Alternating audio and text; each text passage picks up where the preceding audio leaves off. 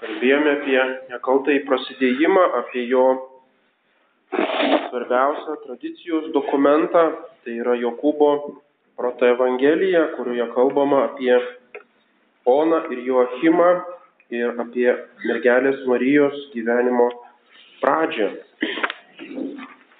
Ir štai visiškai aišku, kad tiek remiantis tą visą tradiciją, tiek galbūt senesnė apaštarinė tradicija, visiškai aišku, kad rytų bažnyčioje buvo ta tiesa tikima, e, nekaltojo prasidėjimo, tai yra Marijos šventumo nuo pat pradžios.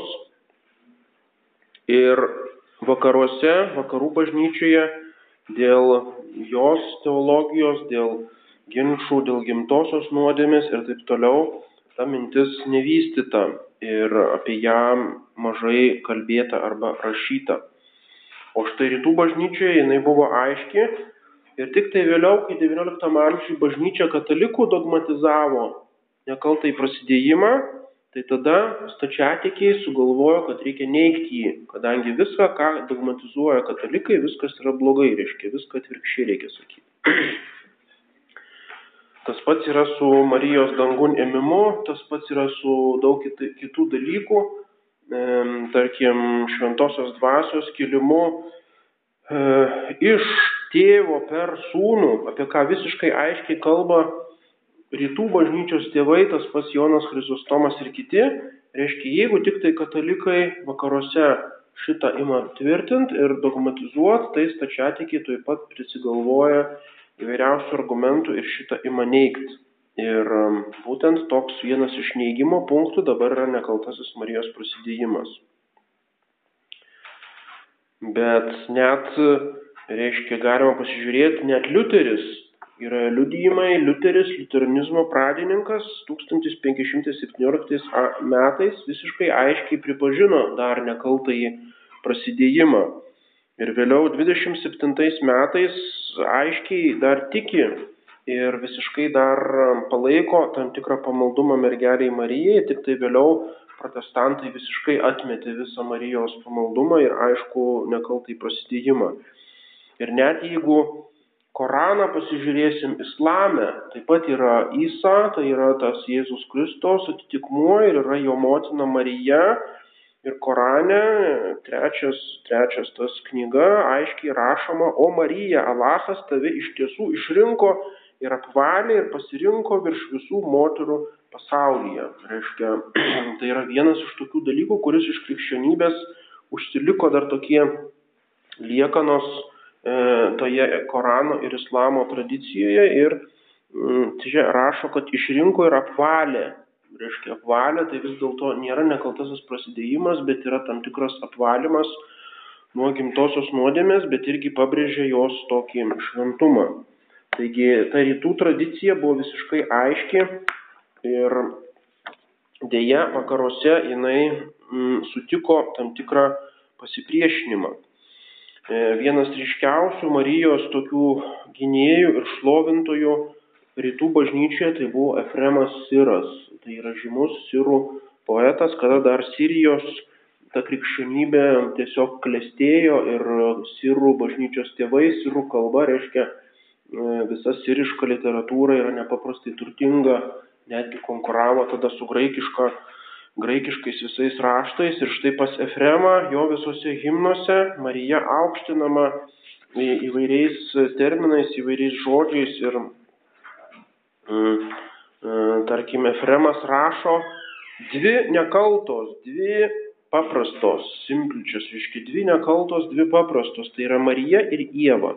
Visiškai lygios ir paskui viena tapo Jėva, reiškia, mirties priežastimi, o kita tapo gyvybės priežastimi. Bet savo pradžios išeities taškas abi yra nekaltos, yra nekaltai pradėtos ir Jėva, ir Marija. To jau kito, kitoje savo maldoje Efremas Iras, Dievo gimdytoje, mano valdove, tu esi super sankta, reiškia super šventa, galima sakyti. Tu esi visa tyra, visa nekalta, ne, nesuteptoji, e, be dėmės. ir taip toliau. Visi tie žodžiai, kurie vartojami liturgijoje, visiškai aiškiai yra pas e, šventai Efremą kartojami. Ir taip pat pas visus kitus bažnyčios tėvus rytų rasime, čia aišku dabar visų negalim tų vietų peržiūrėti, reiškia ta tradicija buvo visiškai aiški.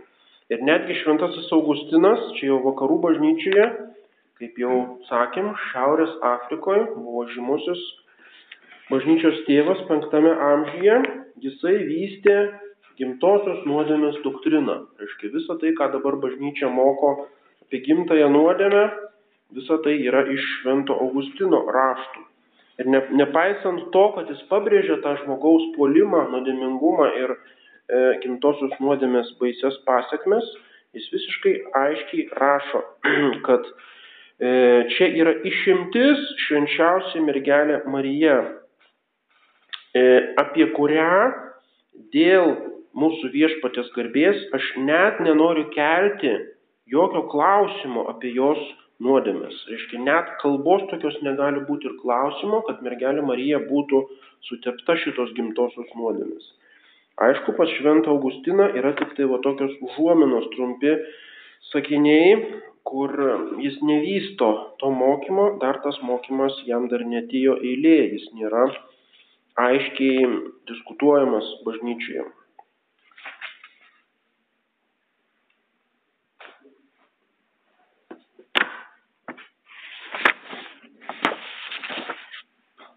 Ir štai didžiausi nesusipratimai būtent kyla tarp bažnyčios tėvų dėl šito neskyrimo aktyvaus ir pasyvaus Marijos pradėjimo. Kaip kalbėjome, kas yra aktyvus Marijos pradėjimas, tai yra aktas Joachimo ir Onos, reiškia, kai jie pradėjo mergelę Mariją. O pasyvus pradėjimas tai yra, kai pati mergelė Marija buvo pradėta, iš jos pusės žiūrint, jos e, apie ją kalbant. Ir štai mūsų dogma kalba tik tai apie pasyvų mergelės Marijos pradėjimą. Kalba, kad jinai buvo pradėta be gimtosios nuodėmės. Visiškai nekalba apie tą mm, aktą, e, reiškia santokinį aktą tarp Joachimo ir Onos. Ar jisai buvo su kažkokia nuodėme ar ne. Ir kadangi tas klausimas buvo dėl santokinio akto buvo labai diskutuojamas tarp bažnyčios tėvų, kai kurie e, tas visas diskusijas iš filosofijos perkelia į teologijos rytį. Ir tarkim, šventasis Jonas Damaskietis būtent šitą pabrėžia m, mm, tą klausimą e, aktyvų Marijos pradėjimą. Ir e, būtent taip interpretuoja tą mūsų tradiciją iš Jokūbo proto Evangelijos, kad Mergelė Marija buvo pradėta prie auksinių vartų Jeruzalės, Joachimo ir Onos be normalaus santokinio akto. Reiškia, tai buvo toks pats stebuklingas pradėjimas kaip ir Jėzaus Kristaus. Ir tai žinoma yra e, visiškai tokia perdata interpretacija ir nereikalinga būtent šitos tradicijos. Ir būtent ką tai reiškia, santokinis aktas, ar jisai, e, ar jis yra savyje nuodėmingas ar ne. Tai būtent buvo ginčas tais laikais ir visiškai dabar teologija šitą yra išsiaiškinus, kad nieko panašaus. E, tas geidulingumas arba tas potraukis yra duotas Dievo ir bažnyčia atmetė visas teorijas tiek gnostikų, tiek manichėjų, kurie santokos ryšį neigia. Buvo ir katarai vėliau viduramžiais, kurie iš vis sako, kad tuoktis negalima. Arba kiekviena santoka ir santokinis ryšys yra nuodėmė. Ir kad pats tas, reiškia, geidulingumas persiduoda kaip nuodėmė vaikams. Visiškai aišku yra, kad taip nėra, kad gimtoji nuodėmė persiduoda iš kartos į kartą kitiems žmonėms vien dėl to, kad E, reiškia, negali žmogus perduoti to, ko neturi. Nėra tos e, pašvenčiamosios malonės ir todėl gimsta be, gimto, be gim, e, su gimtaja nuodėme vaikas. Ir tai nieko bendro neturi su pačiu santokiniu aktu, kuris, reiškia, savyje būtų kažkoks tai blogas arba nuodėmingas. Ir būtent dėl to pirmaisiais amžiais nebuvo aiškumų ir buvo diskutavimas, tarkim, kai kurie bažnyčios tėvai sakė, kad Adomas ir Jėva, reiškia, buvo kaip angelai rojuje, kad nebuvo, mm, nebuvo tai tikra kaip santoka arba pirmoji šeima, Tai reiškia, kad e, šeimininis gyvenimas atsirado kaip nuodėmės pasiekmė ir taip toliau. Čia yra tokie visiški e, nukrypimai, kurie įgaudavo ir radikalias formas, kur apskritai neigdavo santoką. Ir būtent tai buvo didelė, didelė rezija viduramžiais. Taigi, jeigu kalbant apie tą gydulingumą, yra toks latiniškas žodis konkupiscencija. Ir štai Bažnyčios tėvai ir kiti naudoja tą žodį geismas, gydulingumas, konkupiscencija, bet jis yra daugiareikšmis tas žodis, negalima visko suplakti į vieną krūvą ir šitą reikia labai aiškiai skirti. Yra trys atskiri dalykai. Konkupiscencija reiškia natūralų geismą, tai yra kažkas natūralaus, kažkas duota Dievo, kažkas gero. Reiškia yra geismas giminės pratesimui, yra geismas savo asmeninio būties pratesimui, tarkim, noras valgyti. Reiškia, žmogus turi tą apetitą ir kuris, žinoma, dėl žmogaus, dėl gimtosios nuodėmės ir jos silpnumo, dažniausiai labai dažnai būna iškreiptas, žmogus persivalgo arba smaližiauja ir taip toliau, reiškia, tas geismas iškreipimas, bet jis pats tai yra Dievo duotas, nes jeigu žmogus neturėtų alkio jausmo, jis tada gal ir neužsimtų tokių vargingų dalykų kaip maisto ieškojimas ir virimas ir valgymas ir tada numirtų badu.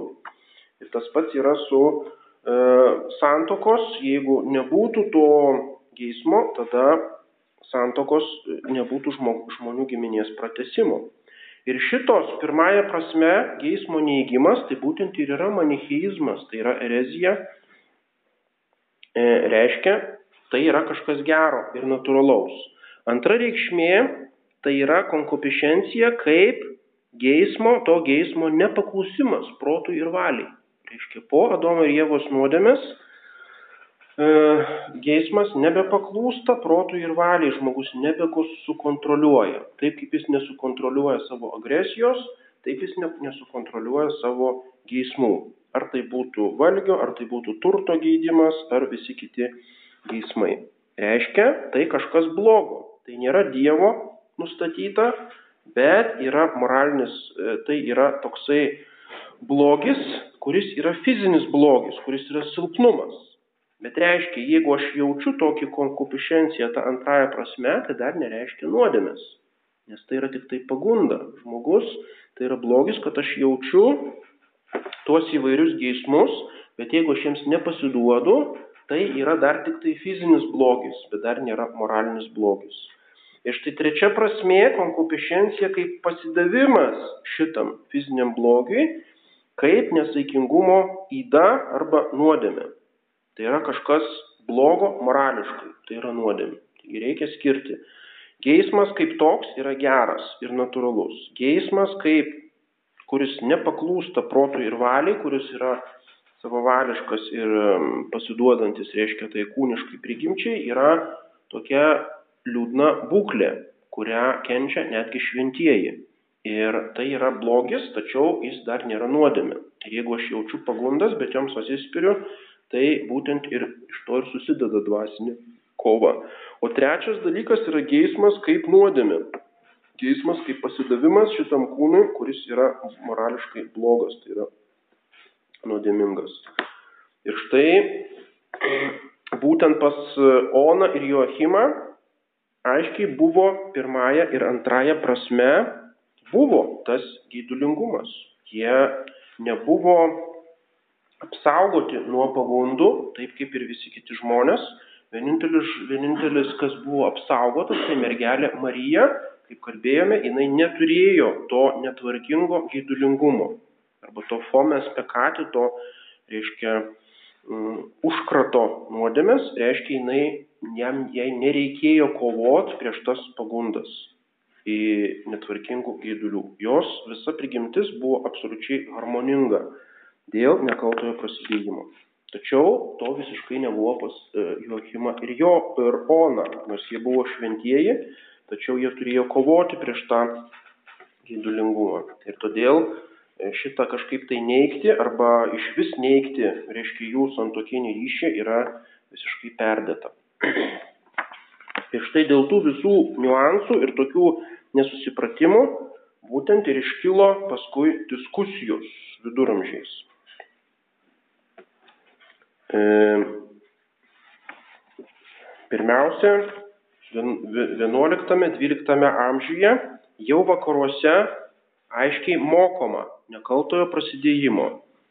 Edmaras, Osbertas, vienuoliai tokie, reiškia, jų yra išlikę tekstai, kuriuose jau kalbama apie nekaltą Marijos prasidėjimą. Taigi pačioje pradžioje buvo jau išmokę žmonės, kai kurie vienuoliai skaityti graikiškai, jie skaitė tos graikų tėvų raštus ir jiems visiškai buvo ta aiškus, jie šitą mokė.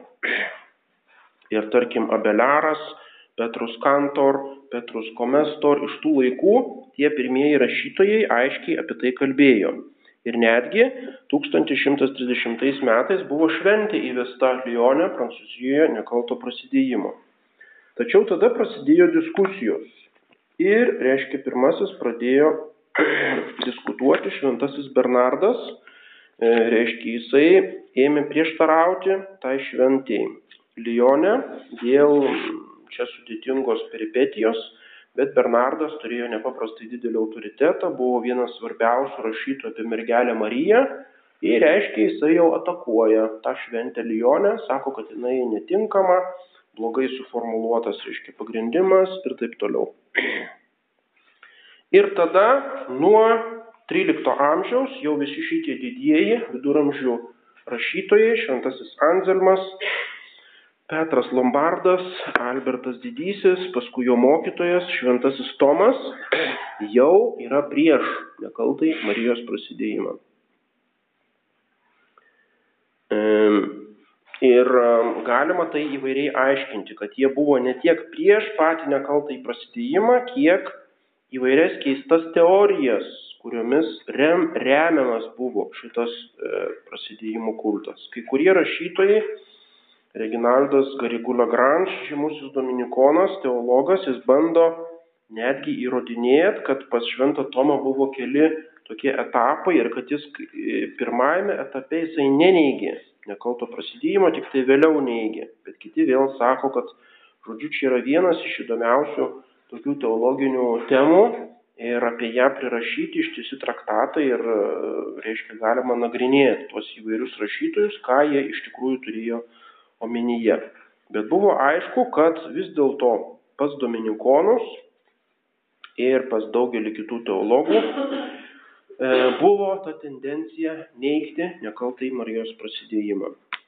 Ir tai buvo toks kaip antras etapas vakarų bažnyčioje ir trečiasis etapas tai yra šventasis Dunsas Kotas Pranciškonas.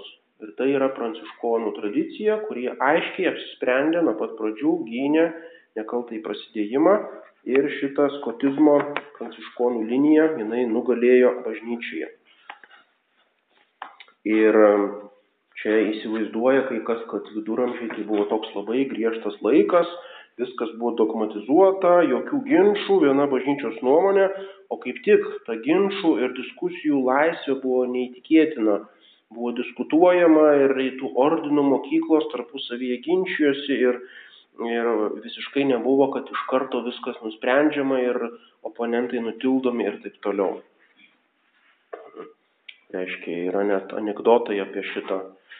Mm, reiškia, mato Evangelijoje yra tie Švento Petro žodžiai. Štai mes viską palikome, sekame paskui tave, Jėzau Kristau, kas mums bus už tai. Yra argumentas, kad reiškia apie ordinus.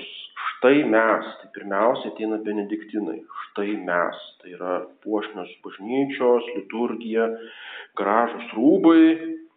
Viską palikome, tai yra pranciškonai, nuskurdę, viską paliko, neturtingi. Ir sekame paskui tave, tai yra dominikonai, kurie eina į misijas, skelbia tikėjimą, gina, sekame paskui tave. Ir kas paskui ateina, o kas mums bus už tai, tai yra jezuitai, reiškia, vėliausiai ateina. Čia toks antijezuitiškas anegdotas. Tai reiškia, tie skirtumai tarp ordinų ir ginčiai jie e, visais laikais buvo ir tai buvo vienas iš tokių ginčytinų objektų. Taigi apie Šventą Tomą čia galima būtų jo įvairias citatas nagrinėti, kaip jisai tą argumentuoja. Tai buvo taip pat susijęs su filosofiniam diskusijom, kada žmogus prasideda, kada yra jo e, būties pradžia, reiškia, kada susiformuoja žmogaus kūnas ir kada įliejama siela. Ir kilo teorijos, kad prieš įliejant sielą Marija buvo valyta nuo gimtosios nuodėmės ir tada e, šventas Tomas sako, nu ką jūs, reiškia, jeigu prieš įliejant sielą, tai dar ne žmogus, tai reiškia, jis dar neturėjo gimtosios nuodėmės iš viso ir negali būti tokio dalyko. Ir žodžiu, čia yra labai daug peripetijų tuose ginčiuose, kuriuos teologai gali diskutuoti. Ir štai tik tai Jonas Dunsas Kotas vadinamas doktor subtilis, subtilusis mokytojas, jisai viską kaip galima sustatė į vietas. Ir jo išeities taškas buvo mokymas Švento Anzelmo Kenterberiečio potuit, dėkuit, fečit. Čia panašiai kaip vieni vykdy vyčiai, atėjau, pamačiau, nugalėjau. Tai yra toks principas, potuit, dėkuit, fečit, reiškia, jeigu Dievas kažką galėjo, Ir jeigu tai dėrėjo, dekui, tai reiškia yra derantis prie Dievo didybės ir viso išganimo plano, ergo fečiai, tai reiškia ir padarė. Tai yra toksai principas, kad jeigu kažkoks kilnumo laipsnis arba kažkokia privilegija ar kažkas galima Dievui ir jeigu yra tinkama ir derama pagal visą išganimo logiką ir planą, tai reiškia tą ir padarė. Remiantis šito principu, būtent Dunsas Skotas įrašo. E, reiškia, visiškai aišku, kad Dievas galėjo apsaugoti mergelę Mariją, reiškia, potuit galėjo apsaugoti nuo gimtosios nuodėmės. Tas apsaugojimas buvo absoliučiai reikalingas visai šitai logikai, kadangi Marija yra kaip naujoji Jėva kartu su Jėzumi Kristumi, jinai negali būti net per akimirką šitono valdžioje. Reiškia, jinai turėjo visą laiką būti laisva nuo nuodėmės. Reiškia, tą ir padarė reiškia tasai yra implicite arba viduje, reiškia tos dogmos apie Marijos visišką šventumą. Ir būtent jisai tą išskyrė, kad mergelė Marija turėjo šitą e, pareigą užsitraukti gimtąją nuodėmę, kaip ir visi žmonės, to, ko neturėjo Jėzus Kristus, bet jinai buvo išganyta prieš Jėzaus Kristaus įsikūnymą, atsižvelgiant į jo būsimus nuopilnus. Kaip jau kalbėjome, visi kiti žmonės yra atperkami, tai yra redempcijo, o mergelė Marija buvo atpirkta prieš, reiškia iš anksto, tai yra preredempcijo. Tai yra taip, kaip būtent kaip skolininkas patenka į kalėjimą ir paskui jį ateina gailestingas žmogus ir jį išperka iš kalėjimo, tai yra redempcijo atpirkimas O Marija yra preredencijų, kad jinai net nepatenka į tą kalėjimą, nors iš esmės jinai yra Adomo ir Jėvos palikonis ir turėtų patekti į. Reiškia, jinai nėra absoliučiai laisva nuo tos pareigos. Taip kaip Jėzus Kristus, jis neturėjo tos pareigos, reiškia, užsitraukti gimtąją nuodėmę. O mergelė Marija turėjo pareigą, bet jinai buvo iš anksto apsaugota ypatingą privilegiją. Ir tuo būdu atkrenta visa ta argumentacija, kad mergeliai Marijai nereikėjo Jėzaus Kristus atpirkimo, tai yra aišku visiškai klaidinga. Mergeliai Marijai taip pat reikėjo atpirkimo kaip ir visiems kitiems, bet tas atpirkimas įvykdytas iš ankstinių ypatingų e, privilegijos būdų. Taigi reiškia tokia frazė pagrindinė Dunso Skoto natūra non tempore prijus, reiškia savo prigimtimi, o ne laiku, reiškia ne laiko tvarka imant, bet prigimties tvarka, e, reiškia, e, buvo apvalyta, neapvalyta, o apsaugota nuo gimtosios nuodėmės. Ir galiausiai, nors Paryžiaus universitete e, dominavo tomistai ir dominikonai, bet penkioliktame amžiuje galų gale Paryžiaus universitetas, kuris buvo toks kaip atsakinga ministerija visai Europai tikėjimo reikalams, teologijos reikalams, jinai įgaliojo visus, reiškia profesorius, priesaiką, kad jie mokys tik tai šitos skotistinės doktrinos apie nekaltai prasidėjimą. Tai jau kalbėjom, kad 15 amžiuje šitas nugalėjo pranciškonų mokymas.